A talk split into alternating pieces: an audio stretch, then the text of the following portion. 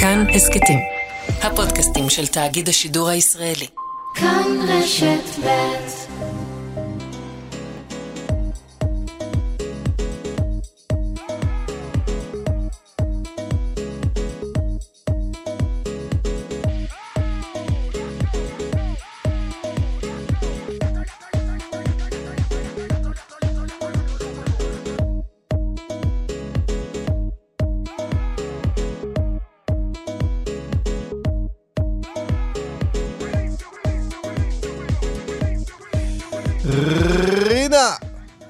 יש לנו... אה, אה, בוא נעשה סקר. יאללה. בוא נעשה סקר. אנחנו ככה, לפני השידור, מתלבטים. אה, התלבטות באמת עמוקה, במחלוקת אה, קשה, בין הפוסקים. ואנחנו לא יודעים מה להחליט. אולי אתם תעזרו לנו. האם ל- לדבר פוליטיקה קשה היום בתוכנית, או לא, האם לפתוח עם... לפתוח את התוכנית? אני לא שומעת באוזניות. עקיבא, אתה יכול להגיד, לעשות לי, גילי למה? עכשיו את שומעת? לא. איי, איי, איי, איי, איי. עכשיו, אוקיי. אה, אז האם לדבר אה, על, אה, על ההפגנות, על המחאה, לאן היא הולכת, איפה היא צודקת, איפה היא טועה, או לדבר על הנבחרת הצעירה? אה? אה, ניומן, מה אתה אומר? נבח- נבחרת או מחאה? זה באמת האסקפיזם, ניומן, רק. ניומן זה חשוב, ואחרים... יהודית? בוא לא שומעים אותה. ארז נילוביצקי? ובכן. העם אמרה את דברה. אה, באנו עם אה, בטן מלאה הבוקר, אני באתי עם בטן מלאה על הקמפיין החדש אה, של המחאה נגד עילת הסבירות. בעיניי הוא שקרי ומכוער ומסולף, אבל עזבי את זה. שקרי ומכוער ומסולף. לא, קודם אתה תוקע את עמדתך, ואחר כך אומר לי, עזבי את זה. מה, מה, לא מבינה, מה הבעיה, מה הבעיה, המחאה היא מתנגדת לחקיקות האלה ולשיטת הסלאמה, שכמו שנתניהו מציג את זה, אחד אחרי השני, אחד אחרי השני. וחוץ מזה, אני תמיד לא מבינה למה אה, אומרים, בכלל המחאה הזאת רוצה להפיל את הממשלה. כן, נגיד, כן, היא רוצה להפיל את מחאה הממשלה, רע להפלת? השלטון. נו, ומה הבעיה מזה? ש... כאילו, אם, אם הממשלה נבחרה ואנחנו לא מרוצים מאיך שהיא מתפקדת, אסור לנו למחות נגדה ולהפגין כדי שהיא היא ת- ת- ת- תיפול? תראי, אם זאת מחאה על נשמתה של הדמוקרטיה, אז אני יכול להבין צעדים אה, מרחיקי לכת, כמו הפרת חוק שאיננה אלימה. מה זה להבין? בן אדם רוצה להפגין, זה משהו אחר, אני מדברת חוק. על ההפגנות. אבל אני זאת, מדברת זאת על מחאה אידיאולוגית. 100 אלף איש בקפלן כל שבוע, זה הפגנה. נכון. סבבה? על, בוא נדבר על זה, על נשמתה. של הדמוקרטיה הם- הישראלית. הם חושבים ששר לביטחון לאומי כזה, אוקיי. הוא בעיה בדמוקרטיה אוקיי. הישראלית. והם אומרים שהם אה, מייצגים. והם אומרים שהם מייצגים המונים מכל המחנות, עזוב, ושזה לא לא, רק ימין-שמאל. יש לפחות 100 אלף איש כל שבוע, לפחות. יש. סבבה. נניח, אני לא נכנס למספרי מפגינים אף פעם, זה הנושא הכי רגיש בישראל, יותר מהכור כן, בסדר, בדימונה. אני, אתה יודע, יש, בדרך כלל יש אפילו יותר, ומפגינים בעוד מקומות בארץ. אני אומרת, מינימום של המינימום, יש 100 אלף איש כל נכון, שבוע. יש שבוע. מחאה, וזאת. המחאה המוצלחת ביותר? עד היום בתולדות המדינה. זה זכותם. ואז מגיע הקמפיין שעלה, נדמה לי, אתמול, שאומר, אם תצומצם עילת הסבירות, אז למשל יכריחו תלמידים בישראל להניח תפילין. זה מכוער ברמות, רינה. קודם כל, זה לא נכון. אני לא אבישי יודעת. גרינצייג כבר הראה אתמול איך אה, כמעט כל הטיעונים הם לא נכונים עניינית.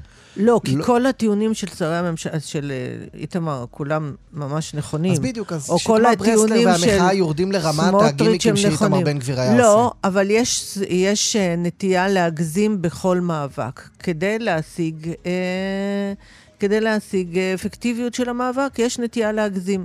אז יכול להיות שזה קצת מוגזם, אבל אתה יודע מה, עקיבא, אני רוצה להגיד לך משהו עכשיו אמיתי. כן. יש פחד כזה, תתפלא. הוא אבל מה- קיים, אני אומרת לך אמיתי. יש פחד פחד. שיכריחו אנשים להניח תפילין ש... בבתי הספר? פחד שתהיה פה אה, כפייה של המד... המ- הממשלה הזאת. כן, יש פחד כזה. עכשיו תראי, יש פחד כזה בגלל שאתה רואה, פה ממנים את אלה לזה, ופה וזה ופה. יש פחד כזה. הוא לא, לא מוצדק מדי, אולי הוא מוגזם. יש חשש כזה. תראי, יריב לוין, הוא לא ב... מופרך. יריב לוין בזכיחות לא נורמלית בינואר. השיק שיריב את כל לוין קורא הרפורמה. לכל העיתונאים תועמלנים, מצריכים, או לא יודעת איך הוא התבטא לא, שם. הוא אמר, הוא אמר אה, שבערוצים 12 אז זה ו-13 מפחיד. את עכשיו אז זה ב-11, אז. אנחנו בסדר. אז זה מפחיד גם. תראי, יריב לוין, כשהוא השיק את הרפורמה, הוא עשה שגיאה איומה של יהירות, שהוא אמר, השיק את כל הסעיפים ביחד כתוכנית עבודה. ואז אמרו לו, מנגד, זה נכון שצריך שינויים במערכת המשפט, אבל לא ככה. חלק תעשה את זה במתינות. תעשה את זה בהסכמות. עכשיו, עכשיו- כפו עליו, את- אה, כפו עליו את המתינות הזאת. עכשיו, אחרי שאנחנו רואים איך הממשלה הזאת מתפקדת, יכול להיות שאנחנו אומרים לעצמנו, לא זאת הממשלה שאנחנו רוצים בכלל שתעשה את השינויים. מצוין, אבל זאת לא הממשלה. שקיבלה את אה, קולות. רוב העם. אבל אנחנו לא אומרים שהם... אני לא, אני לא, לא, אני לא מאלה שלא יקרא לראש הממשלה בנימין נתניהו ראש ממשלה, כמו שהוא עשה לבנט. כן. אני אה, לא שם. הוא ראש למחות. הממשלה שלי. בנימין נתניהו הוא ראש הממשלה שלי. איתמר בן גביר, לצערי, הוא שר הביטחון, הביטחון לאומי שלי. הם, הם שלי גם. אני לא מערערת על היבחרותם בכלל. לא של איתמר, לא של נתניהו, של אף אחד. אומרת, זכות מחאה. אני חושבת שהם לא ממשלה טובה. ואז אנחנו מגיעים לנקודה שבה להבעיר צמיגים בשכונת מגורים ולמרר את לא. חייהם של שכנים של שר אז לא ולשקר מס- בקמפיינים, אז- זה עובר את הקו. לשקר בקמפיינים, להגזים בקמפיינים, זה לא לשקר, זה להגזים בהפחדה. פי, יש לי הרגשה שהם למדו את זה ממישהו. יש לי איזו תחושה כזאת עמומה, שהם למדו את זה ממישהו שכאילו אלוף בזה כבר הרבה שנים, אז איכשהו הם קצת אימצו ממנו את זה. אני אגיד זה רק- דבר אחד. להפגנות על יד הבתים, הנה אני אומרת לך, אני לא אוהבת את זה. לא אוהבת את זה. לא אהבתי את זה כשעשו את זה לאלקין ולאשתו, ואני לא אוהבת את זה גם עכשיו. הבעיה היא שאלה שאהבו את זה כשעשו את זה לאלקין ולא פתחו את הפה ולא הגנו על אלקין, על אשתו ועל ילדיו, עכשיו אין להם זכות לדבר, זה כל העניין. כן. נכון, אה, אני חושב שזאת אה, שגיאה אסטרטגית קשה של המחאה, אבל בואי נספר בסוף, מה... כל המסקנה מכל השיחה הזאת זה שגיאה. שגיאה של המחאה. לשקר זו תמיד כי שגיאה. כל האחרים לא, לא, אין בעיה. אין בעיה עם אלה ש, ש, שמי שהטריד את, אה, את אלקין, את ילדיו, הוא יקיר הליכוד, עם זה אין בעיה. זה די מדהים שאת בסדר. מביאה סיפור מלפני שנה אבל, וחצי. אבל זה היה. זה היה, למה? נכון. אורבך... נכון, נכון, אבל רינה, רינה, קורות פה עכשיו הטרדות מכוערות. לבוא אני ולהגיד לא שזה אלקין בסדר. ואורבך. כן. אני לא אומרת שזה בסדר. אני אמרתי, חד משמעית שזה לא... אני רק אומרת שאלה שתמכו את זה כשזה היה מדובר מהצד השני, אין להם כזאת נכון, זכות מסכים. להגיד את זה, זה הכל. היום אה, ברינה ועקיבא, מיד יהיה איתנו... אז ולא דיברנו על הנבחרת, למרות הסקר. בסדר, נדבר על אנחנו הנבחרת, יש לנו עוד שעתיים. כמו אריאל שרון, עשה סקר במרכז הליכוד, ובסוף עשה ההפך. אני באתי לדבר אה, על לא הנבחרת, דבר. ומיד נדלק לא, פה כי על אתה ישר מתחיל, המחאה. דו, דו, דו, דו, דו, דו. חיקוי טוב. תעשי. זה מחאה וזה... בסדר, המחאה גם עושה טעויות, אני לא אומרת שלא, אבל עדיין, בעיניי, לתפארת מדינת ישראל. אוקיי. אה, אלי לוי מיד יהיה איתנו, אה, דובר משטרת ישראל. הרבה מאוד חדשות בגזרתו. אה, קיץ של אה, מחאות, גם היום, פרסום בישראל היום על אה, הגבלות צפויות בהפגנות. נדבר על אה, צווי ההרחקה לפעילי ימין קיצוני ועל אלימות לאומנית ביהודה ושומרון. נבדוק מהו מרי אזרחי. מה זה בעצם? נבדוק מה קורה במשפט נתניהו גם, אה, שלוש וחצי שנים, שלוש שנים וחצי. בשעה הבאה נביא סיפור מעניין מאוד על תואר ראשון שמסתיים היום של קבוצת אנשים עם מוגבלות באוניברסיטת בר אילן, שמסיימים תואר, ויש תוצאות מחקריות מאוד מאוד מעניינות לקבוצה הזאת.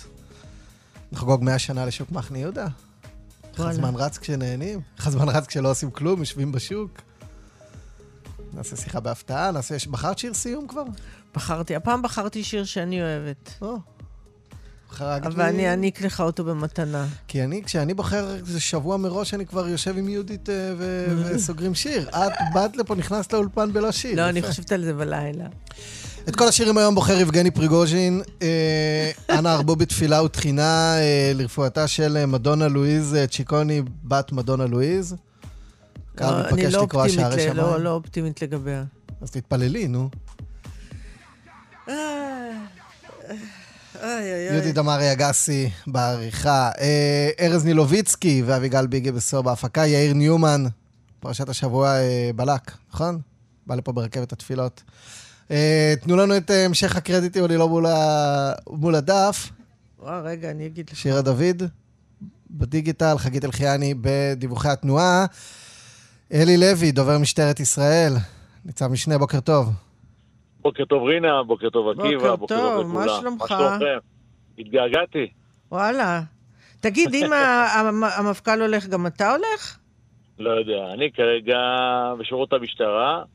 אה, החוזה שלי אה, מסתיים באיפשהו בסוף אה, מרץ 2024. אם ירצו, אני שגריר אבל- של משטרת ישראל לעד. כאילו, המפכ"ל הזה הביא אותך, לא? נכון? ואתמול... אה, אה, בוא, אלי לוי, חברה שלך, אני אומרת לך, תתחיל לדאוג. אני אתחיל לדאוג. כן. למה? כי? המפכ"לים אוהבים להביא את האנשים שלהם. נו, ואת חושבת שאני אשאר מחוסר אה, עבודה? לא, לא. רק אם תתחיל? לחפש. מה פתאום? אתמול, אה, בסדר. אתמול הוכרע סופית, נכון, שהמפכ"ל לא ימשיך לשנה רביעית.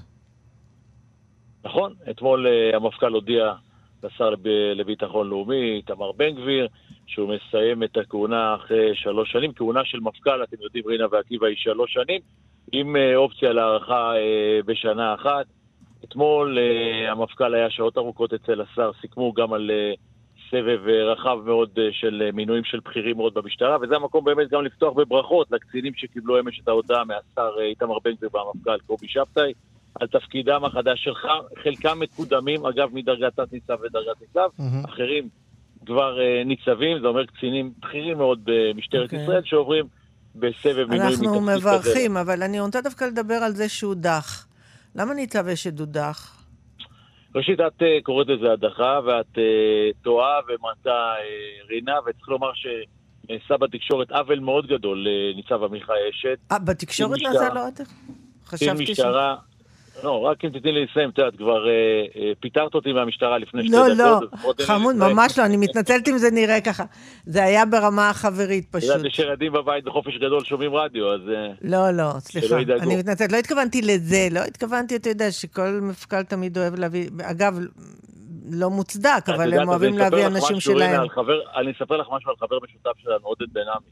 נו, בשומר חומות, שהיה באמת, נכנסתי כמה חודשים לפני, והיה באמת לחץ גדול, ויום אחד הגעתי אליכם לנווה אילן, נו. עודד בן עמי הנפלא פגש אותי במסדרון ואמר לי, תקשיב, אי אפשר לדעת מתי תסיים. הייתי גם דובר צה"ל, אבל ביום שתסיים, תחבק את כולם, תגיד תודה על הזכות ותמשיך הלאה. אז זה מה שאני אעשה. יפה מאוד. איזה יופי. כן, אז מתאים- לעודד. להגיד את זה, כן. בואו נחזור למינויים. כן. אז באמת ההחלטה הזאת על הסבב מינויים כבר הייתה לפני כמה חודשים. אתם זוכרים אה, אה, כבר אז את ההחלטה של המפכ"ל אה, והשר. אתמול המפכ"ל והשר ישבו, סיכמו, כמו שהמפכ"ל הודיע השבוע בכנס ראשי רשויות מהמגזר הערבי שהתקיים במכללה בבית שמש, שהוא אה, אה, מסיים את הקדנציה ב-17 בינואר 24. סבב המינויים אה, אתמול אה, יצא לדרך, פרסמנו אותו אה, ברבים בשעות הערב. אז מה עם? לכולם. אגב, צריך לומר עוד דבר אחד, יש על כתפיהם של אותם קצינים בכירים שעומדים לקבל תפקידים בכירים מאוד במשטרת ישראל, הרבה מאוד משימות שהמשימה הראשונה במעלה זה לבלום את גל מעשי הרצח בחברה אבל אלי הערבית לוי- ולהמשיך את מיגור הפשיעה אלי בחברה הערבית. לוי, אנחנו, אנחנו שאלנו א', ואתה אומר ב', שזה דברים מאוד חשובים, אבל זה לא הא' ששאלנו עליו. כלומר, אתה אומר שיש אפשרות של הארכת אה, כהונת אה, מפכ"ל אם היחסים טובים. היחסים היום בין המפכ"ל לשר הממונה עליו גרועים. ממש. ממש לא, יחסי עבודה טובים, הם עובדים ביחד תחת משימה אחת משותפת, עקיבא, אתה יודע מה? דווקא אתה שמכיר מקרוב את שני הצדדים ומלווה הרבה מאוד שנים, גם בסיקור, אה, אה, לפעמים לא תמיד מקרוב, אבל מכיר מאוד מה קורה במשטרת ישראל. היום יושבים שני אנשים, מפכ"ל המשטרה, אה, אה, גיבור ישראל, עם כל כך הרבה עיטורי עוז, ועם כל כך הרבה אה, אה, פעולות במשך 40 שנה, שאת חלקם לא נדע לעולם. מצד שני, שר לביטחון לאומי, שנכנס באמת, גיבור. ישראל. לא, שנייה, מתוך, מתוך רצון לשנות, עם שינוי חקיקה, עם הכנסה של תקציב גדול עכשיו, שני אנשים שעל כתפיהם המשימה היא משימה לאומית, אני אומר לכם. נו, והם הם די את נכשלים בה במבחן המעשה, אלי לוי. ממש לא, אתה יודע מה? לכן עליתי לשידור. לכן חשוב לי, ואני אני כל יום, כל יום נאבק בפייק ניוז הזה של הנכשלים. כי, אתה יודע מה? אני חייב לספר לשניכם.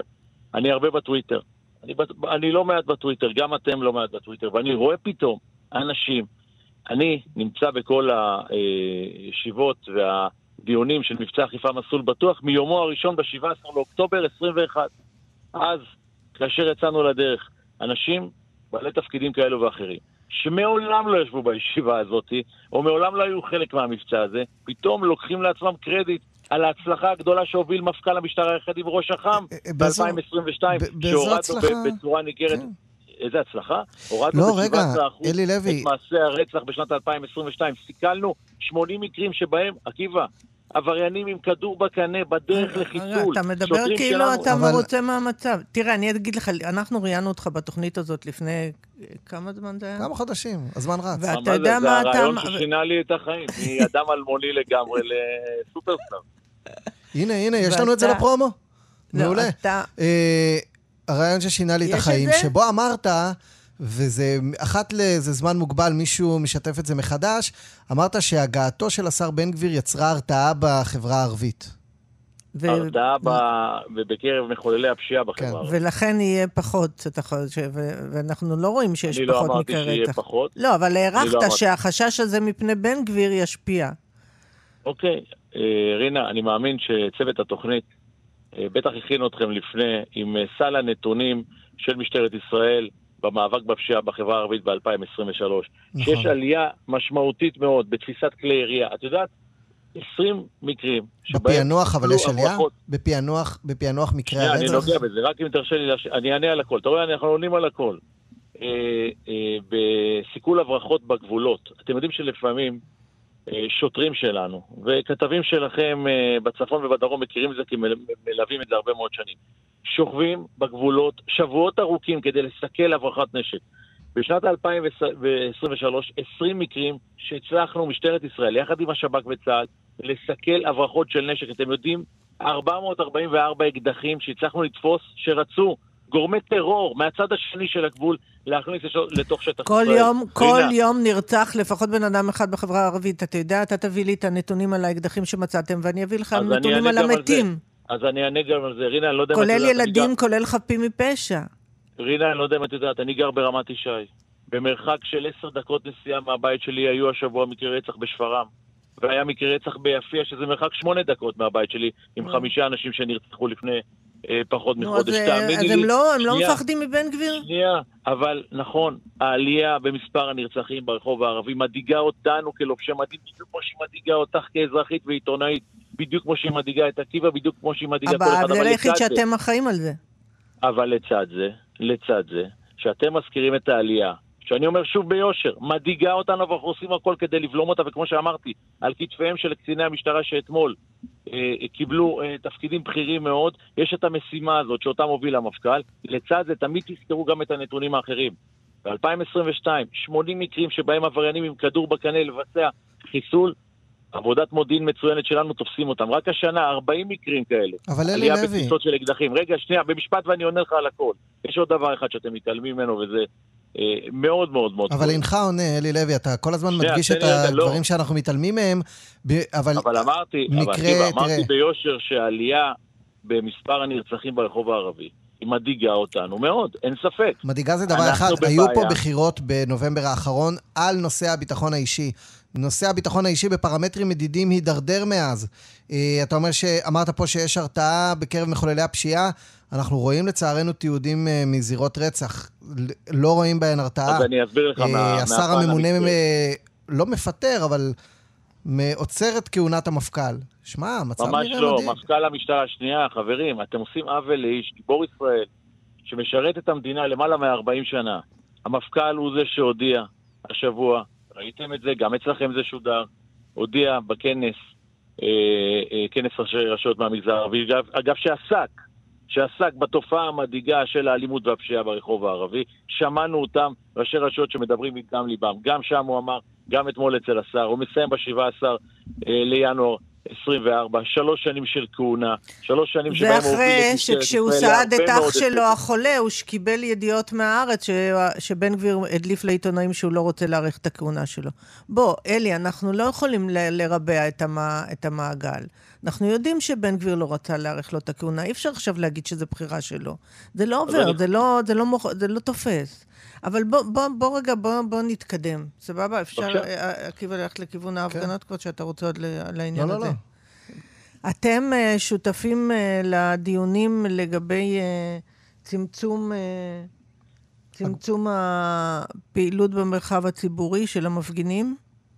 אני לא יודע למה קראת לזה צמצום הפעילות. מפכ"ל המשטרה משתתף אה, בדיון, אה, וגם כמובן קציני משטרה נוספים, וחשוב חשוב מאוד לזכור, אנחנו אחרי אה, שבוע של לא מעט מחאות, שחלקם התפרסמו ברבים, בכלי התקשורת, כתבים שלכם גם היו שם, ואנחנו לקראת הרבה מאוד מחאות. וצריך לזכור דבר אחד בסיסי, משטרת ישראל רואה כאבן יסוד חשובה מאוד במדינה דמוקרטית את זכות המחאה. יש הרבה מאוד מחאות, אגב, לא רק המחאה אה, בנושא המשפטי, הרבה מאוד מחאות ברחבי הארץ מדי יום. השוטרים שלנו תמיד שם כדי לשמור על הסדר הציבורי. מצד שני, אפס סובלנות לפגיעה בתשתיות, לחסימות צירים שגורמות לכך שרכבי כיבוי בתקופה הזאת של הקיץ או אמבולנסים לא יכולים לעבור.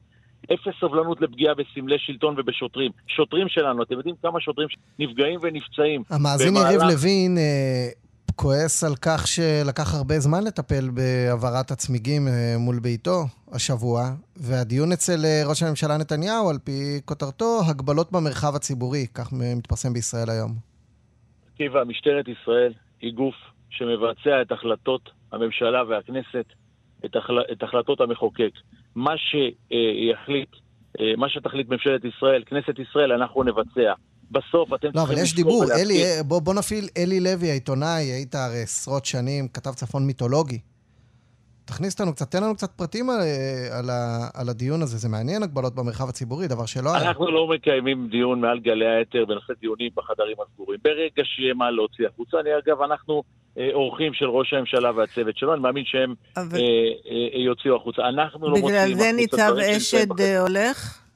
בגלל זה הוא עוזב את מחוז תל אביב? כי הוא אפשר יותר מדי... אה, אני שוב פעם חוזר, הפסקת אותי מקודם. ניצב עמיחי אשד הוא קצין משטרה עתיר זכויות גדול, בלמעלה מ-33-34 שנות שירות בקו הראשון במשטרת ישראל. נו, עתיר זכויות. נו. אני אומר לך ברמה האישית, נו, סבבה, אני אני מרגיש בסדר. זכות שהייתה לי להכיר כדובר המשטרה אז למה העבירו אותו. מתפקידו? הוא אה, בסבב המינויים הזה, בהחלטה של המפכ"ל אה, והשר, הולך למה? להיות ראש אגף ההדרכה. אגב, אל תזלזלי, אל תזלזלי באגף ההדרכה. אני מזלזלת. לא, היי, היי. כי זו ההחלטה, בסוף ההחלטה היא של אבל המפכ"ל. למה? והס... כי למה? בסוף, כי בסוף זו ההחלטה של השר והמפכ"ל. אבל למה הם אבל החליטו למה? איך, ככה? איך מסבירים? תשמע, ממך למדנו שהוא גיבור ישראל, ובאמת, אתה הייתה לך הזכות uh, לעבוד איתו. למה מפטרים אותו?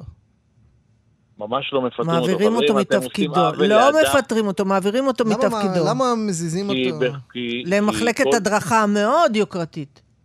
לאגף ההדרכה, שאני אה, מזמין אותך. רינה, בכל יום שאת רוצה, לבוא לאגף ההדרכה של משטרת ישראל, אלי, במכללה תקשיב, בבית שמש. אתה... אלי, לא זה תשמע, כל הכבוד לך. אלי לוי, האמת, באמת. דובר מצטיין. כל הכבוד. האמת, אלי, אתה תותח. באמת עכשיו, לא בצחוק. וואו. אבל תגיד, אבל באמת, למה? למה בגלל שהוא היה יותר מדי נחמד למפגינים? זה מדהים שאחרי שפיטרת אותי לפני שמונה דקות, את עכשיו כבר מוצאת לי לא עבודה. פיטרנו, העברנו אותך לאגף ההדרכה, שאני רוצה לומר לך, בוא לאגף ההדרכה, אתה לא מבין איך תהנה. אתה יודע מה? סוף סוף יש מרואיין אותי. שאפשר גם קצת לה- להתבדח איתו, אז- כן. אז אני רוצה, אני רוצה להגיד לכם, אם תרצו אותי בתפקיד באגף ההדרכה, להדריך את הקצינים והשוטרים בעמידה מול מצלמה, ברטוריקה, בכתיבת מסרים, אני תמיד... אה, הנה, הוא מתחיל לחפש עבודה. אני, נכון. בשידור חי, דובר משטרת ישראל כבר לוטש עיניים אל התפקיד הבא. אה, לא, לא, עקיבא. אלי לוי, אה, נגיד, אה, ניצב משנה, דובר משטרת ישראל, ביום שני מתכננים מפגינים לשבש את ההתנהלות בנתב"ג. לחסום את אה, נמל התעופה, למחות שם. הפקתם לקחים מהפעמים הקודמות שעשו את זה? שאלה מצוינת, ואתה יודע, תודה. שאלה שנוגעת לכל כך הרבה אנשים ששומעים אתכם עכשיו. באמת, מאותו יום שראשי המחאה פרסמו אה, בצורה פומבית שהם עומדים אה, אה, לבצע חסימה של אה, נתב"ג, והפגנות אה, מסביב לנ- לנתב"ג. אני מוצף, לא רק אני, גם הרבה קציני משטרה נוספים, אנשי משטרה והרבה מאוד הודעות. אתם יודעים, לכולנו יש בני משפחה וחברים ואנשים שמתכננים עכשיו אה, בחופשת הקיץ אה, לצאת לחו"ל. ומה תחשבו אתה על משיב אדם ש...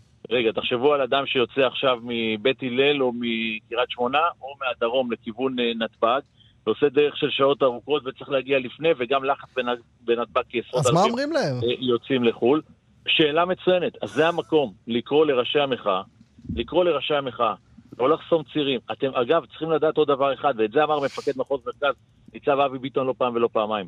נתב"ג, שם המקום הראשון ש, ש, שמדינת ישראל צריכה אה, אה, למצוא את הצירים שלה פנויים. אתם יודעים אם חלילה יש עכשיו נחיתת חירום, כמה אה, רכבי אמבולנס וכיבוי אש במשטרה צריכים אז להגיע אלי, פנימה מה עושים? נתב"ג? אה, אז אלי, אני קורא, אז משבשים את. נתב"ג, מה המשטרה עושה? איך המשטרה מונעת את זה? אז אני מפה קורא, יש לנו עוד כמה ימים, קורא לראשי המחאה. על זכות המחאה הלגיטימית אנחנו שומרים כמשטרת ישראל ורואים באבן יסוד במדינה דמוקרטית. אבל לא לחסום צירים. בטח לא מסביב לנתב"ג ומסביב למתקנים כאלו שמדינת ישראל חייבת את הצירים האלו פנויים. אני אומר לכם באחריות, לפני שבוע או שבועיים היו הפגנות בכביש 85 בצפון. אליי התקשרו, אמרת, כתב צפון מיתולוגי, בהחלט. אני גם חי בצפון, אני גר בצפון. אליי התקשרו חברים מיישובים באזור כרמיאל, באזור הגליל המערבי מודאגים. כשיש שריפה, תחשבו על זה. אלי, אבל מה יהיה עם. נתב"ג? אלי, קראת להם, אנחנו- נניח- נניח שהם יגידו לא.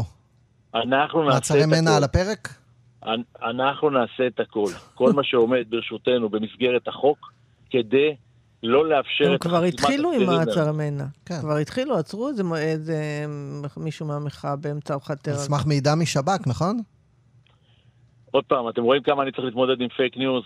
האיש לא נעצר וגם לא נחקר. הוא זומן לתחנת משטרה. הוא לא זומן, הגיע- לקחו אותו מהבית. הוא זומן לתחנת משטרה, הוא הגיע לתחנת המשטרה, ואחרי כמה דקות השיחה איתו, שתוכנה יישאר בתוך שטח המשטרה ולא מעל גלי האתר, יצא. החוצה. הוא לא נעצר, הוא לא נעצר ולא נחקר. אני אומר לך, רינה, ואני אומר לך, עקיבא, באחריות. אני הייתי אגב עוצר, מי שמתכנן אה, לשבש את ההתנהלות בנתב"ג, הייתי עוצר אותו לחקירה. למה לא? אז אני אומר עקיבא היה עוצר את כולם. אין איפה רק- לשים אותם, עקיבא. אני רוצה רגע משפט אחד בנושא, בנושא אה, תקשורת. כן. אתם, ברגע שאתם אומרים, עצרתם אותו, לקחתם אותו, שומעים אתכם מאות אלפי אנשים, אחרי זה גם ברשתות החברתיות. זה לא נכון. אם תעלו עכשיו את הכתבים שלכם שמכירים מה קרה שם בדיוק וסיקרו את זה, תשמעו מהם משהו אחר לגמרי. באמת, לפעמים צריך, כמו שאמרת, הדיח, פיטר, אה, לא תמשיך. לפעמים למילה אלי. יש כוח מאוד גדול, בטח אוקיי. בתוכנית שמאזינים לה כל כך הרבה אנשים. נכון, לפעמים אתה כדובר צריך אה, לטייח, ואנחנו כעיתונאים צריכים לגלות. זה מה שזה. ואשד עזב את תפקידו כי הוא היה נחמד למפגינים, ואין דרך אחרת להגיד את זה. ואתה לא יכול להגיד את זה, אתה דובר המשטרה, או אבל שגילה אני כן אוזלת יכולה יד. אפשר גם לומר גילה. אוזלת אבל יד. אני, אבל אני כן יכולה להגיד את זה.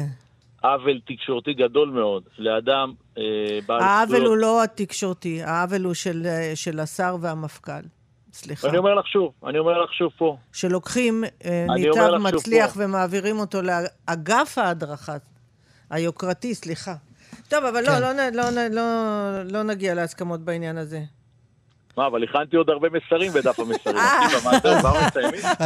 על כך- בפעמים הבאות, אני חושב. אבל אה, בוא, בוא, נגיד ש... בוא, נ... בוא נגיד שכל אלה שחשבנו שהורתעו מעצם מינויו של בן גביר, כנראה שקצת טעינו בעניין הזה. תסכים איתי. עשרות עבריינים שנמלטים מהארץ, אה, מעצר של בגלל למעלה בן מ- גביר. מעצר של למעלה מאלף מחוללי פשיעה, כתבי אישום כנגד למעלה מ-650 מחוללי פשיעה. מרכזיים, בהם אוקיי. עשרות... שנייה, רינה, שאלת שאלה. לא, אמרת את זה. כבר, אמרת את זה כמו כבר. שאומרים, כי אמרת את זה אה, כבר. כמו שאמרתי את זה, כי את יודעת... כן. אה, לא, אמרת את זה. ואנחנו אמרנו שיש עוד הרוגים, ו- ואנחנו צריכים שבסוף, בשורה התחתונה, יהיו פחות, אה, פחות גופות. נכון, וזו הערה. מצוינת. לסיום. אנחנו רואים כמשימה לאומית לעצור את גל מעשי הרצח בחברה ואנחנו הערבית. אני אומר מאחלים לכם באחריות- הצלחה אני גדולה. אומר לך באחריות, כמה אקדחים שלא נתפוס, וכמה מחוללי פשיעה שלא נכניס לכלא, בסוף, אמרת נכון, הציבור מודד אותנו בהצלחה במספר אז הנרצחים. בואו, אני אמרת מאחלת זה לכם נכון. הצלחה גדולה בזה. אלי לוי, הצלחתך, הצלחתנו. כן. אה, שיהודי תהיה בקשר עד הפעם הבאה. בהחלט, בהחלט. עד אה, המפכ"ל הבא. אני רק אגיד לך שאלי לוי... למה? למה? עד מרץ לא לא. תראיינו אותי? ברור אלי, שכן, מלא. אה, אלי לוי ואני ומדונה חולקים את אותו תאריך לידה. נכון. באמת? נכון. תראה מה נכון. לדעתי גם אלוויס פרסלי, אבל... נכון. באמת? וגם מנחם בגין. 16 ורותם באוגוסט. סלע. כן. לא המו"ל, היא הפחות מפורסמת. כן, כן. ו- ואני ועקיבא חולקים את אותו מסלול הליכה הכי ארוך שהיה בתולדות המחאה במדינת ישראל. ממצפה הילה לירושלים יחד שבועיים. סיקרנו את צעדת שליט. אלי לוי, דובר משטרת ישראל, תודה רבה לך. אז רגע, מתי היום חברים. הולדת? 16 באוגוסט, את מוזמנת... אה, אה, אה, 16. לעלות לשלוח מתנות. כן, אוקיי. ג' באלול. אלי לוי, תודה רבה. תודה רבה. ביי ביי. תודה, חברים, דש. כאן רשת ב' רק העובדות מדברות. שיחה בהפתעה. שלום. שלום. היי? אני מכירה? מה? תגיד עוד משהו? שלום. שלום, מי אתה? במה? בגדול עוסק? עקיבא הולך ישר דוך, מי אתה? אה, אתה מתחום התרבות? לא. לא. מה- מה אתה עושה היום? עקיבא, אי אפשר לשאול שאלה כזאת, זה הכי מסגיר, אתה אנחנו לא ממש יכולים מצחיק. לדבר, בואי ניתן לו לדבר וככה נבין מי הוא. נהנה מהחיים. אה, פנסיונר כמוני? אני לא הייתי אומר פנסיונר, אבל אה, נהנה מהתקופה. למה? מה- ממה אתה מתאושש? ממה אני מתאושש? אני לא מתאושש. אני בתקופה אחרת, בוחן את הדברים, אני יודע מי זה. עושה מה שצריך. נו, עושה מה אה. שצריך, את מבינה? עושה מה שטוב לעם ישראל, מי זה? ממלא את שליחותו. אף אחד אחרי, לא אחרי שהוא פרס. כל כך הרבה חוטים מסוג אה, מסוים, מה, מה המילה נרדפת לחוטים? אף אחד לא. כותב לי. נו, אה, יועז הנדל? אז אני רואה שכן כותבים לך. מה שלומך? איי איי איי. איי איי איי. איי, איי, איי. זה תמיד ככה. מה זה נהנה מהחיים, תגיד? עקיבא, מב- עקיבא... לא יודע, ניסיתי למצוא איזה משפט ש... שלא יגיד כלום. שלא יסגיר. שלא יסגיר, כן, כן. אבל זה לא עבד לי.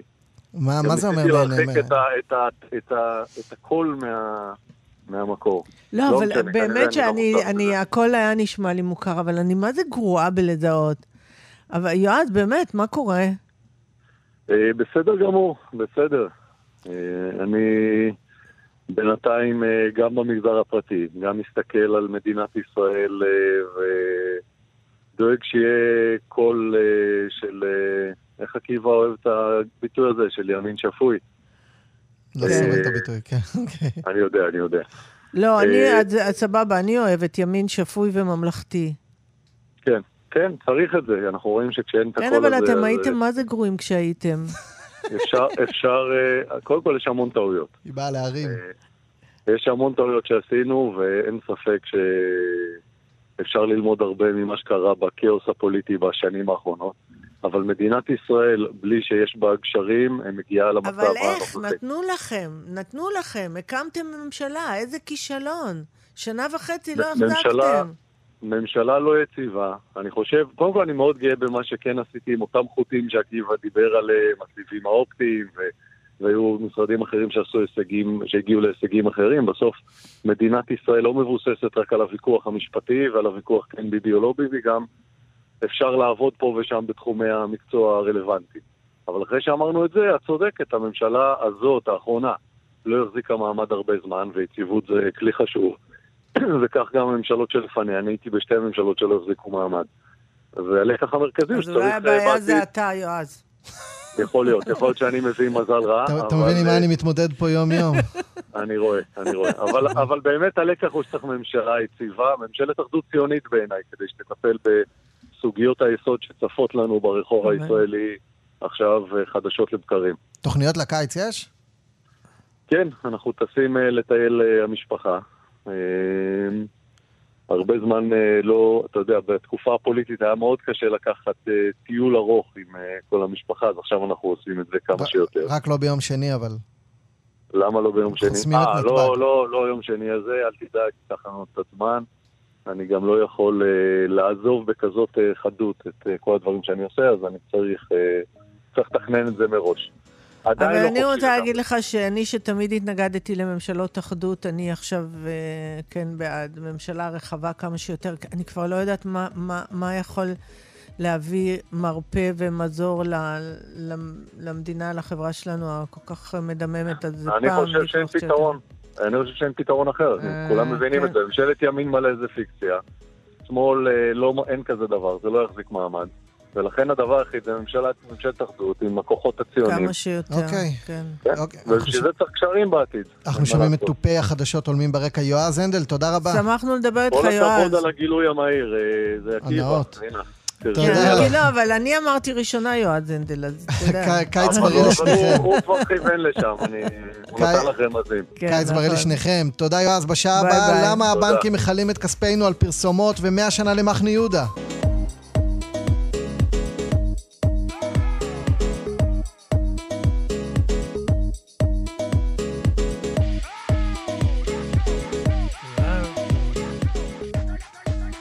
שעה שנייה של רינה ועקיבא. ברשת ב'. אמרו לנו לדבר על הנבחרת, ובסוף לא דיברנו על הנבחרת. אני באתי לדבר על הנבחרת ומישהי פשוט אה, חטפה את הדיון למחאות משום מה. לא, כי אתה דיברת בשפה תוקפנית ואלימה. זה הקונספט, מה, מה נעשה? כן, תוקפנית. כן? לא, לא נחזור לזה. לא תמשכי אותי לשם. הישג אדיר של הנבחרת. מה שאומר שגם uh, במוצאי שבת uh, הנבחרת הצעירה שלנו תמשיך מול גיאורגיה. שאת יודעת, לכאורה היינו אומרים שאם גברנו על uh, גרמניה וצ'כיה, אז מה זה גיאורגיה? יכול להיות שאנחנו אפילו בחצי הגמר. ובאולימפיאדה.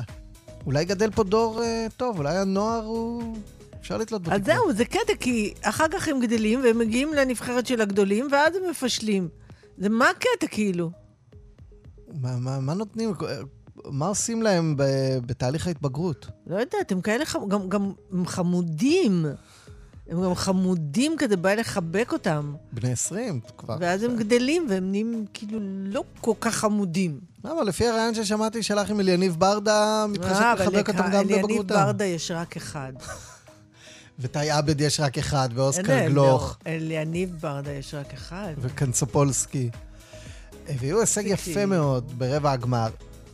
מה שאומר שאולי עוד כמה שנים ישראל תהיה נבחרת כדורגל אמיתית.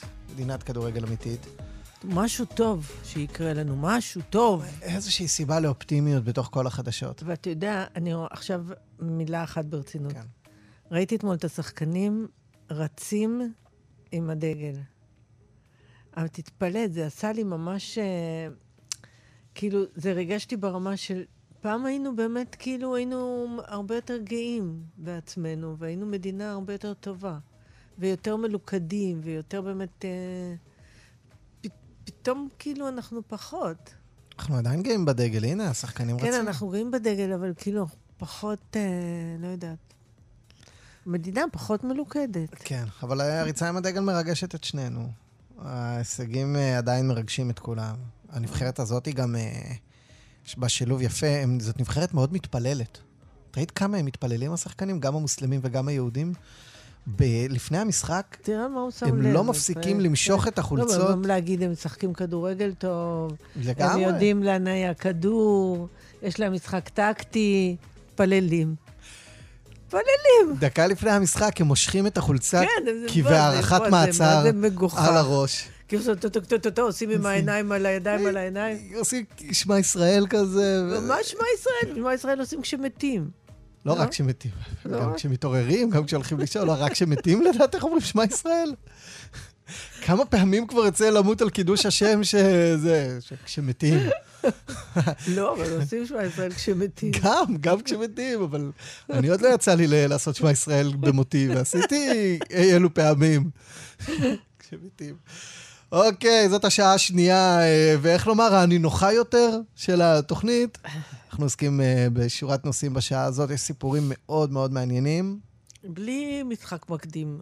בלי משחק מקדים. עקיבא, ישר לעניינים. ושיר אה, בסוף השעה נגיד, שאת בחרת. עבורי, בשם האחדות וגם אולי והפיוס. נספיק אה, לה- לה- להגיד כמה מילים ולשים שיר לכבוד אה, גבי ברלין. גבי ברלין. זכה בפרס אה, מפעל חיים ובצדק. והוא במצב בריאותי לא טוב, והוא איש של הזמר העברי, ואנחנו אה, יש לנו כבוד לכל מי שהוא איש הזמר העברי. לאגדות הזמר העברי, כן. בהחלט. אנחנו פותחים עם uh, צווי מעצר מ- מנהליים שהוציא אתמול, שעליהם חתם אתמול שר הביטחון גלנט לארבעה פעילי ימין קיצוני. השבוע הוא חתם uh, על רקע אלימות קשה כלפי יהודים בכבישי יהודה ושומרון ופעולות תגמול חריפות וקשות של יהודים. לא כלפי יהודים. כלפי ערבים. ערבים. אה, יש, כן, יש אלימות בכבישים כלפי יהודים ויש פעולות תגמול uh, של uh, יהודים אלימים. לא, אבל המעצרים המנהליים על הפעולות כלפ- נגד... נכון. וגם זה אלה גם שצעקו למח"ט אה, רוצח? לא חושב, לא. אלה, אני חושב שעדיין לא יודעים uh, מי הם. אלה חוליגנים, אבל לא בטוח איך לא שאלה מי יודעים מי שהתפרעו הם? צילמו אותם. מהגב. איתנו בנושא הזה שניים. הרב עזריאל אריאל, רב היישוב עטרת, בוקר טוב. בוקר טוב, שלום. וברכה לכם ולכל המאזינים. קובי אלירז היה יועץ לענייני התיישבות, גם לנתניהו, גם לבנט, לבוגי כשר ביטחון. שלום קובי. שלום, בוקר טוב לכם. ולכל המאזינים, גם לליברמן. הרב אה, עזריאל אריאל, אה, אתה רב מה, היישוב עטרת? שממנו יצאו בעצם ההתפרעויות אמר בשבת. גם, גם לשר ליברמן הוא היה יועץ. אה, אוקיי. כן, הרב... אני- אני- כן. אני- חייב לחלוק על מה שאתה אומר. כן, אה, אה, אלה ש- שעשו את מה שעשו בכפר אום צפה לא יצאו מעטרת, הם לא תושבי עטרת, אלה אנשים שבאו מבחוץ. אבל פיזית הם יצאו, נכון, הם הגיעו לעטרת בעיצומה של השבת.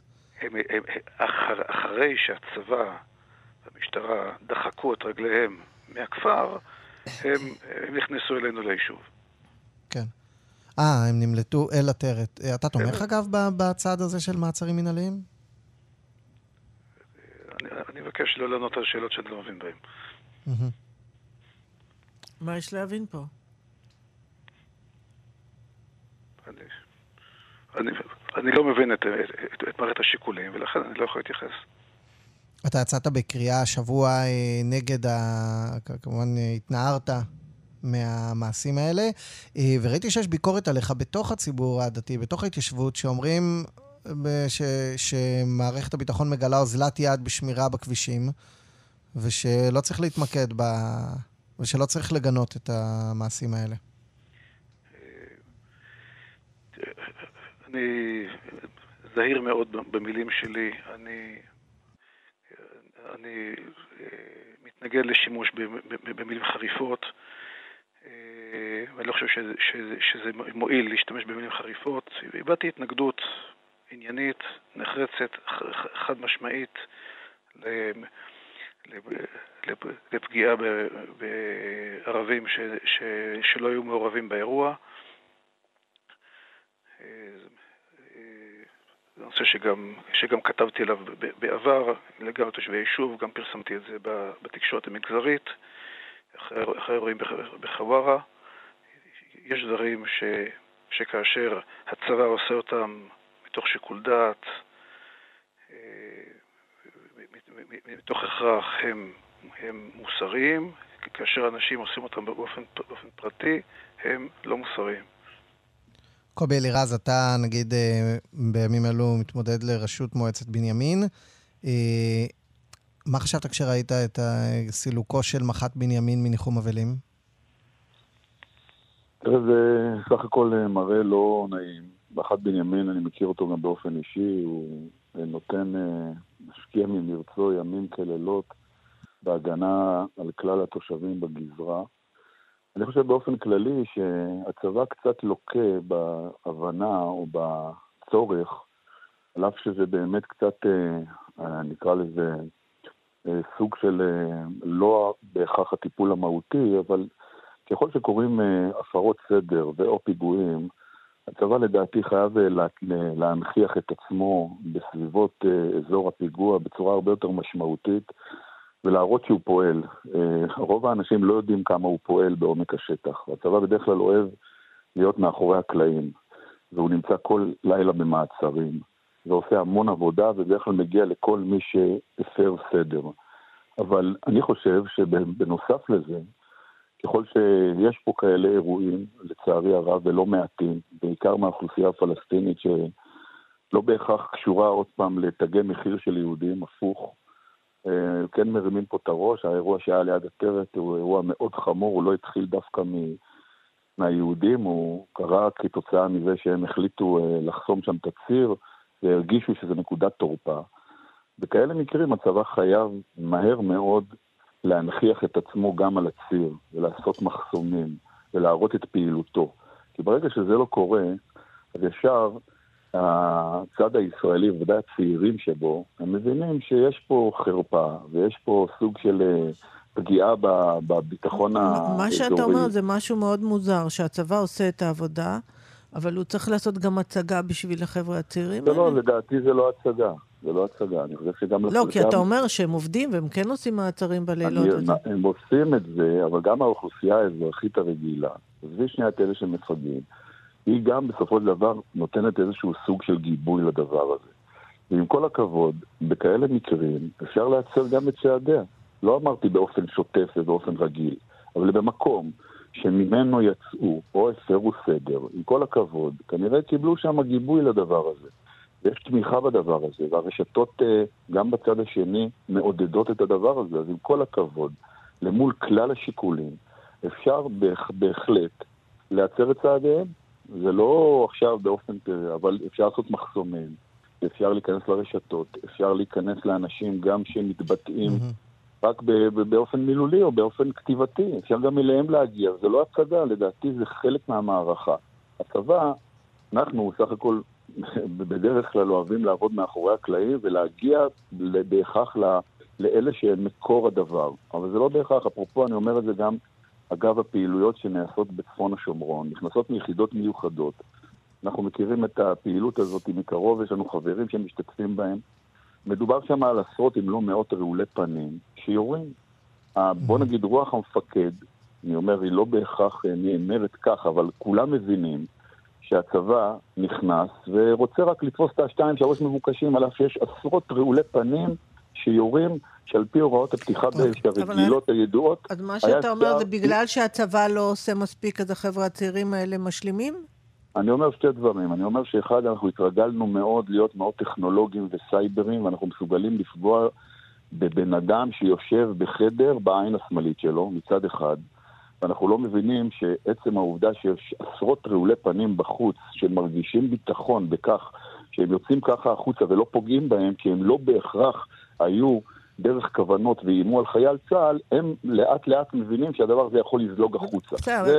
אז אתה, אתה מדבר על מה שהצבא עושה או לא עושה. השאלה אם מה- שהצבא לא עושה, צריכים להשלים אזרחים מן השורה. בנוסף, לא ממש אה, לא. אני ממש הרב לא. אני אומר שמח לענות על זה. הרב אני אריאל, ממש לא אומר, אני ברשותכם כן. רצו לי להשלים, אני ממש לא אומר את זה. אני אומר שמחד הצבא צריך לשנות את הקונספט, כי הקונספט הזה של היחידות המיוחדות והיכולות הטכנולוגיות אכן מוכיחות את עצמם בתפיסת פעילי טרור, טרוריסטים רוצחים באופן ממוקד, ומצד שני, אתם רואים שזה זולג וזה לא מצליח לעצור את אותו מפגע שמגיע, כי הוא מרגיש סוג של גיבוי כתוצאה מזה שהוא יכול להלך ברחובות העיר גם רעול פנים עם ח- אוקיי. חמוש. זה אחד. שתיים, אני אומר, שגם באזורי הפיגועים, הצבא צריך להבין שחלק מהמערכה של ההתמודדות היא גם הנראות החיצונית, גם מול האוכלוסייה הפלסטינית, לדעתי יש בזה צורך וערך, בוודאי גם מול האוכלוסייה הישראלית, בוודאי בסוף הצעירים שחושבים, אולי לא מבינים, לא שירתו בצבא, לא מבינים את המערכת שעובדת גם מאחורי הקלעים, חושבים שהדבר הזה הוא זילות, ואין פה שום תגובה, אוקיי. ואדם החם עולה להם. קובי אלירז. כן, אנחנו רוצים לשמוע אה, תגובתו של הרב אה, אריאל, רב היישוב עטרת, כן. כן, אני, אני מסכים עם כל מה שאמר קובי, ואני אני רוצה להוסיף. נוצרה אצלנו משוואה, משוואה מאוד מאוד מסוכנת, שבה אה, כש, כשאנחנו מתנהגים יפה בצ- בצורה ממלכתית, לפני שבוע הכ- הכביש הראשי לעטרת היה סגור במשך ארבע שעות בגלל הפרות סדר, והצבא לא, לא, לא מצא את הדרך להתמודד עם זה, נתן הסברים למה, למה לא. התושבים לא מוכנים לקבל הסברים למה לא, הם צריכים לשמוע את ההסברים איך כן, ואז מה קורה?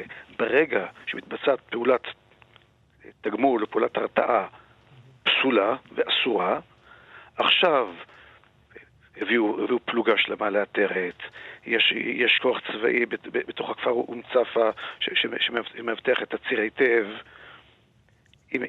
זו משוואה נוראה, ש, שמה שיגרום לצבא לפעול ולאבטח את הציר כמו שצריך, זה, זה, זה פעולה מסוג כזה. דווקא בגלל שאני מתנגד בחריפות לפעולות כאלה, אה, אני חושב שהמצב שבו אה, אנשים מרגישים שזה מה שמפעיל את הצבא, זה, מצב מאוד מסוכן, שצריך למנוע אותו. אוקיי. טוב. הרב אה, עזריאל אריאל, רב היישוב עטרת, קובי אלירז, לשעבר יועץ לענייני התיישבות, לשלל שרי ביטחון, תודה רבה לשניכם. תודה רבה. שלום, שלום ושבת שלום לכולם. שבת שלום. סיפור מאוד יפה שנוחת על שולחננו. היום הוא יום הלימודים האחרון בתוכנית חינוכית באוניברסיטת בר אילן, תוכנית מרתקת, עולמית, עם משמעויות עולמיות. אומרים שלום לפרופסור חפצי בבתיה ליפשיץ, מהפקולטה לחינוך בר אילן. שלום. שלום רב. ספרי לנו על... פתחת, פתחת במסר מאוד יפה, הכוח לשנות את אה, מה שביכולתנו. ממש מסר אה, שמתאים לתוכנית. מהי התוכנית? שישה סטודנטים התוכנית- שלך אה, מסיימים היום את הלימודים לתואר. נכון, התוכנית נקראת עוצמות, תן לי קצת, אני אתן רקע קצר. התוכנית נקראת עוצמות, שילוב אקדמי בין שלושה שלבים של בוגרים עם מוגבלות אה, שכלית בהשכלה הגבוהה. זה התחיל לפני עשר שנים, יחד עם שותפותיי, דוקטור שושנה ניסים עוז. בגדול, אה, בוגרים, יש לנו היום 100 בוגרים עם אה, מוגבלות שכלית שבאים לאוניברסיטה ליום לימודים בין ארבע שעות, הם לומדים מבוא לפסיכולוגיה, סוציולוגיה וכולי, אבל מותאם לרמתם. מהמם. תוך כדי העבודה זיהינו שישה סטודנטים עם יכולות גבוהות במיוחד, סטודנטים עם אה, מגבלה קוגניטיבית, בשפה, בזיכרון, בהבנה וכולי, והחלטנו לשלב אותם בקורסים רגילים של התואר הראשון. כמה זה, כמה אנשים- זה חריג עולמית? כמה אז זה אני אגיד? יש שלושה אנשים בעולם עם תסמונת דאון שסיימו תואר ראשון, ספרד, ארצות הברית ויפן. אבל כאילו, לה- סליחה, אני רוצה, כשאת אומרת סיימו תואר ראשון, עמדו בסטנדרטים של סטודנטים רגילים? אז אני אגיד, אני ניסיתי לברר אה, פרטים על אה, שלוש, שלושת הסטודנטים האלה, וזה לא כתוב בשום מקום, רציתי ללמוד. ואז בנינו את הכל יש מאין. עכשיו, הסטודנטים האלה אה, למדו בעצם כמו סטודנטים רגילים, זאת- אומרת, ששת הסטודנטים שלנו. רגע, עד היום, הוא- פרופסור ליפשיץ, עד היום שלושה אנשים ידוע בעולם שהצליחו לסיים תואר ראשון עם תסמונת דאון, ועכשיו, היום את מסיימת ללמד כמה? שישה. שישה. אבל אה, אה, עכשיו יש לנו גם אה, ממצאי מחקר, וזה הבדל גדול. אני רק אתן קצת רקע. סטודנט רגיל לומד בין שלוש לארבע שנים. התוכנית שלהם נפרסה על פני אה, עשר אה, שנים אה. בקירוב. הממ- הממוצע לימודים בשנה אה, של הקורסים היה מרווח יותר, שבע לעומת עשרים קורסים בשנה. וכמו כן, הם כמובן מלווים במנגישים אקדמיים שהוכשרו אצלנו בתוכנית לתואר שני במוגבלות שכלית, שהנגישו להם את החומר. ועל כל שעה וחצי אקדמית הם קיבלו תוספת של שעה וחצי אה, לפחות. בדרך זו הם סיימו, בהתחלה הם היו אה, שומעים חופשיים עם זכות בחינה, כי אה, חששנו, זאת אומרת, במצב כזה, כמו באוניב... באוניברסיטה הפתוחה, לא משנה מה הרקע האקדמי של האדם, אבל אם הוא בא לקורסים, לומד, עושה בחינה או עבודה, והוא מצליח, הוא מקבל אה, קרדיט אקדמי. אחרי שהם סיימו בדרך זו 32 נקודות אה, קרדיט אקדמי, הנהלת אוניברסיטת בר אילן, הרקטור הנוכחי, פרופסור אלבק, הקודמת, מירי פאוסט, אמ, המזכירה האקדמית, דוקטור רחל לוי דרומר, הדיקן שלנו, פרופסור מהמם. יבלון, וראש אגף תקציבים מר חיים אנקונה, החליטו לרשום אותם כסטודנטים מן המניין. מדהים. זאת האוניברסיטה היחידה בישראל שהיה לה אומץ לעשות אה, דבר כזה. אנחנו רק אני- אה, נספר שהבת דודה של אה, עקיבא היא אחת הבוגרות. הבת דודה של עקיבא, נכון, היא אחת הבוגרות, אה, ואנחנו זה אוהבים מרגש. אותה. נכון, זה באמת מרגש, והיא בעצמה מדברת על השינוי שחל בה מבחינת שפה, מבחינת לשון. אה, צריך לשמוע אותה מסבירה את המטרות של הקורסים, אותם היא לומדת. והחידוש השני הוא שאנחנו, אה, כיוון שאנחנו אוניברסיטה, אז אנחנו מלווים את כל העשייה הקהילתית במחקר, ולפני ארבע וחצי שנים העברנו מבחני אינטליגנציה, גם להם וגם לאלה שלומדים בהעשרה אקדמית, וחזרנו לבדיקה כעבור ארבע אה, וחצי. שנים. נו. כמובן עם אה, עמיתיי אה, דוקטור חיה עמינדב ופרופסור אלי וקיל, ומצאנו שיפור באינטליגנציה אה, בשתי הקבוצות, אבל הקבוצה שלומדת לתואר ראשון חצתה את הסף העליון של המוגבלות השכלית. אה, מוגבלות כלומר, שכלית בשפה מוגדרת... פשוטה. בשפה פשוטה. אה, מוגבלות שכלית זה מוגדרת... שיש מה לעשות, זה זה מדהים, שיש נכון. מה לעשות. אה, המוגבלות שכלית מוגדרת, אה, בוא נגיד כך, ממוצע האוכלוסייה הוא בין איי-קיו של 85 עד אה, 115, ומוגבלות שכלית מוגדרת כאיי-קיו שבין 70 עד 75 ומטה. אז במבחן השני של האינטליגנציה, הם הגיעו עד 80-85 איי-קיו, בעיקר בתחום המילולי. מדהים. וזה אה, מחקר שאין לו אח ורע בעולם, זה באמת חידוש מאוד מאוד גדול, שלימודים אקדמיים משפרים את היכולת של אנשים עם אה, מוגבלות אני חושבת שכלית. שכל אוניברסיטה צריכה לעשות את זה. בעקבותינו אה, יש אה, כל מיני מכללות שפתחו תוכניות כאלה, אבל באמת היינו הראשונים ואנחנו מלווים את הכל במחקר. ולעניות דעתי, השכלה אקדמית היא צריכה להיות חלק מסל השירותים של כל בוגר עם מוגבלות במדינת ישראל. אה, זה לא נכנס לחוק הרווחה החדש, וחבל, אה, אבל זה צריך אה, להיות שם. מי, מי, מי תקצב את התוכנית הזאת? זאת אומרת, יש הרבה צוות וסגל וכולי. אז אני רוצה באמת להגיד שאפו לאוניברסיטת בר אילן עם מחלקת אה, גיוס משאבים.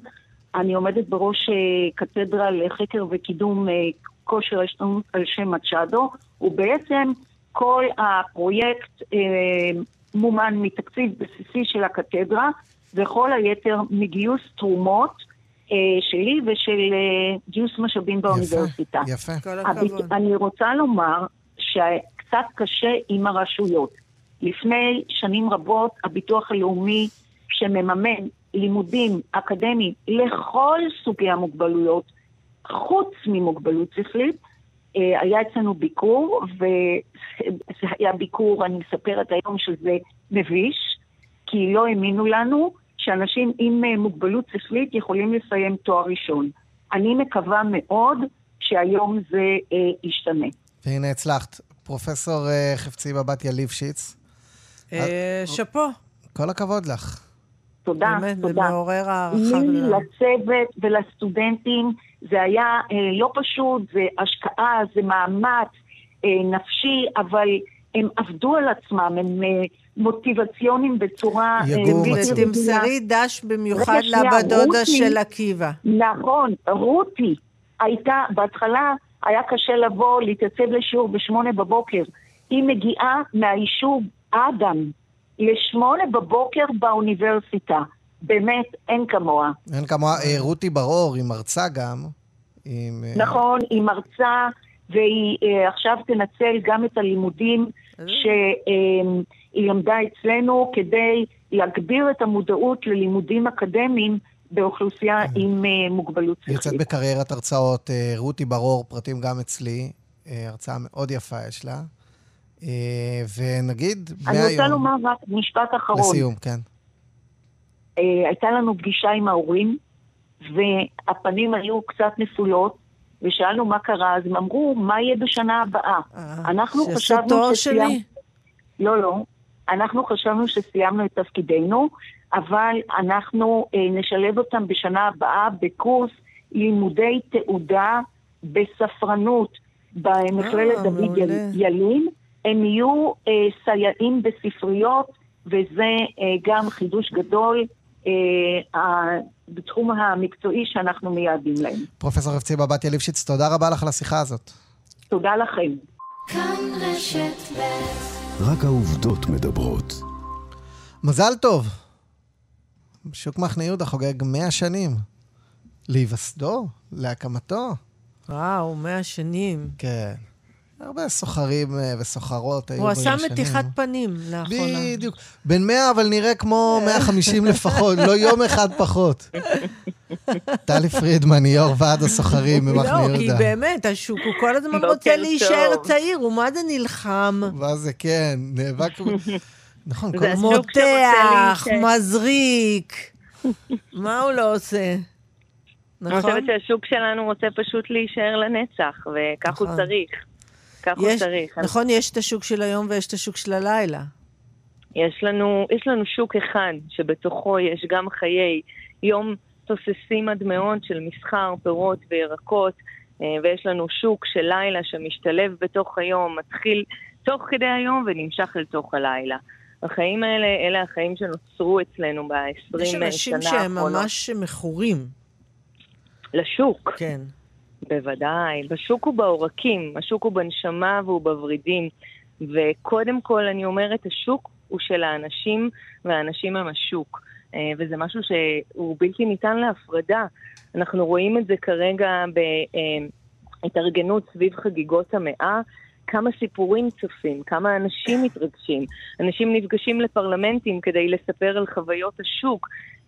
שוק מחנה יהודה הוא, הוא, הוא שזור בצורה בלתי נפרדת בכל הנרטיב של העיר שלנו ובכלל של המדינה שלנו. אבל אני רוצה להקשות עלייך, טלי פרידמן. אה, אנחנו תקשורת, לא באנו רק אה, לשאול את השאלות הקלות.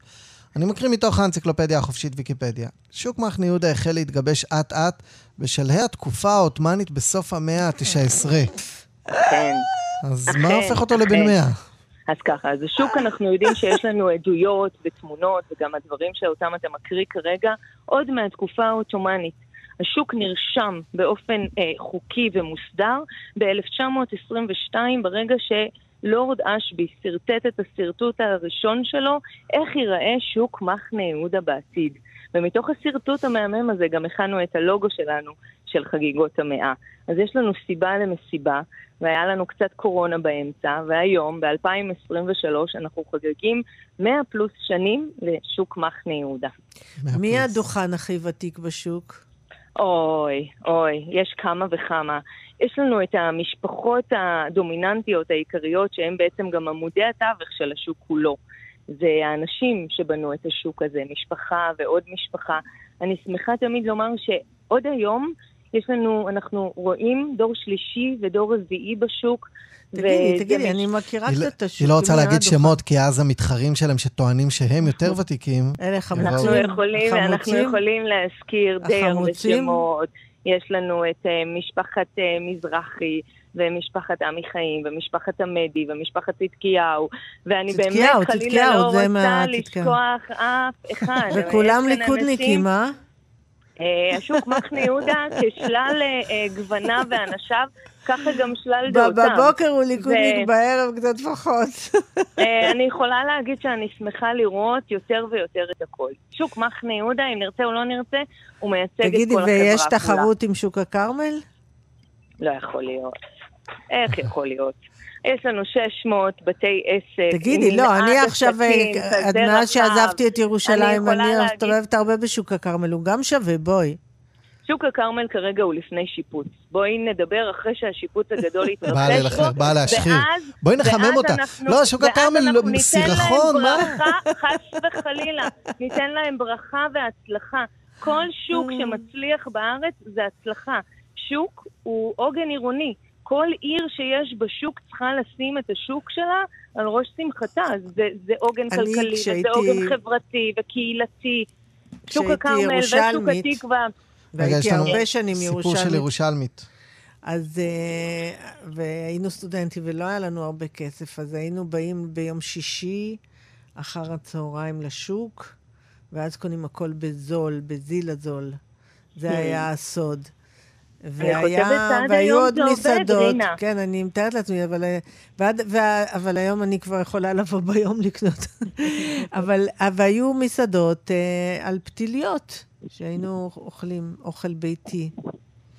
היה מנגן אחד. רחמו. את- השם מנגן אומר לך משהו?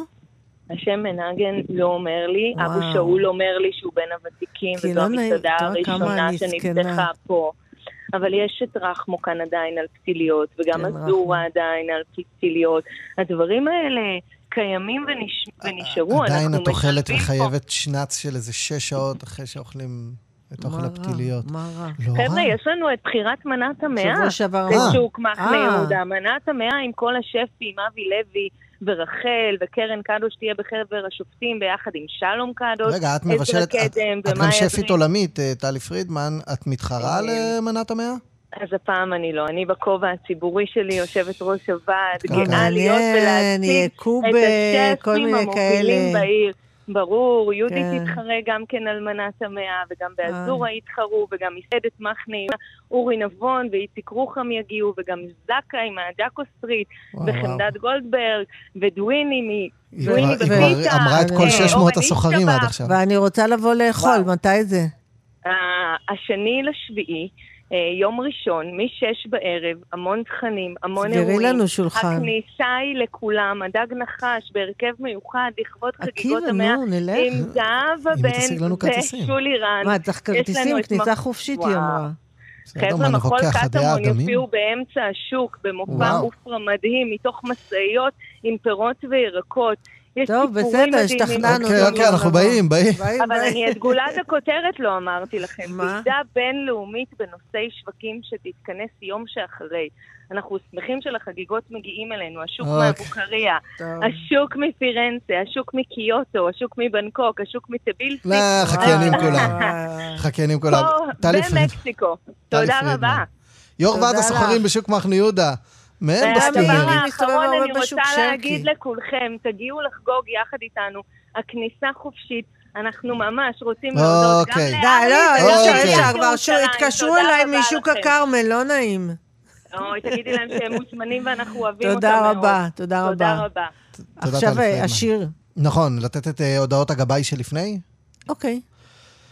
אחרינו יהיו כאן רוני קובן ועומרי אסנהיים, זה את יודעת. אבל בשתיים בצהריים, דברים ששומעים מכאן, פרויקט מיזם אה. שידורי השטח של רשת ב', יאיר? ויינרב ואורלי אלקלעי מרמלה, רמלה. לא, בסוף לא אותנו שלחו. אנחנו מחכים, שומרים לנו את באר שבע. אה, ישלחו אותנו. כן, כן. יהודי דמארי אגסי עובדת על זה. גם אביגל ביגי בסור וארז נילוביצקי שכאן איתנו. אה, יאיר ניומן כאן, טכנאי השידור, כל השעתיים, יפה מאוד, פרשת השבוע, פרשת בלק. אין לנו זמן לדבר תורה, אז תשמרי אותו לשבוע הבא. ברור. שירה לא, דוד אני בדיגיטל. בעצמי, אני, איך שאני מגיעה הביתה, אני... חגית אלחיאני בדיווחי התנועה. אה, רצית להקדיש שיר? כן. יש שיר של, של חווה אלברשטיין שאני מאוד אוהבת אותו. הוא נקרא רמז. אני לא יודעת אם אתה מכיר אותו, אבל זה, אתה מכיר? קצת, כן. אבל זה שיר שאני ממש אוהבת, וכאילו אני מרגישה שהוא מדבר עליי, ואני מקווה שתאהב אותו גם. אז כאילו, לא בחרתי את זה משהו שמתאים לך, אבל בחרתי משהו שאני אוהבת, בתקווה שתאהב גם. איזה טוב? יופי. שבת שלום, רינה. שבת שלום. נעמתי להתראות.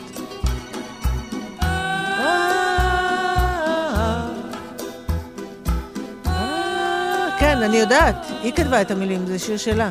אגב, כמה שירים היא כתבה, וכל השירים שהיא כתבה הם מדהימים. אחד מהם היא כתבה על ההורים שלה גם, שנקרא געגועים.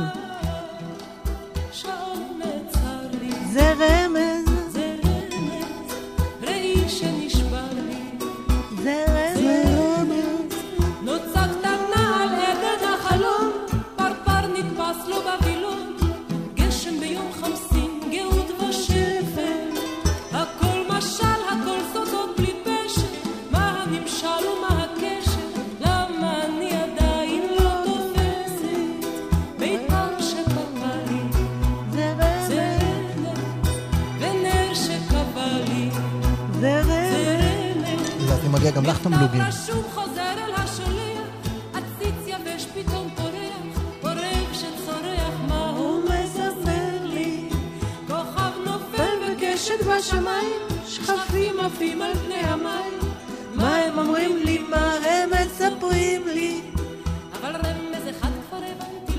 לזה. סמוכות כמו אש פעימות חזקות של הלב. חום וצמרמורת, לילות לילות בלי שינה.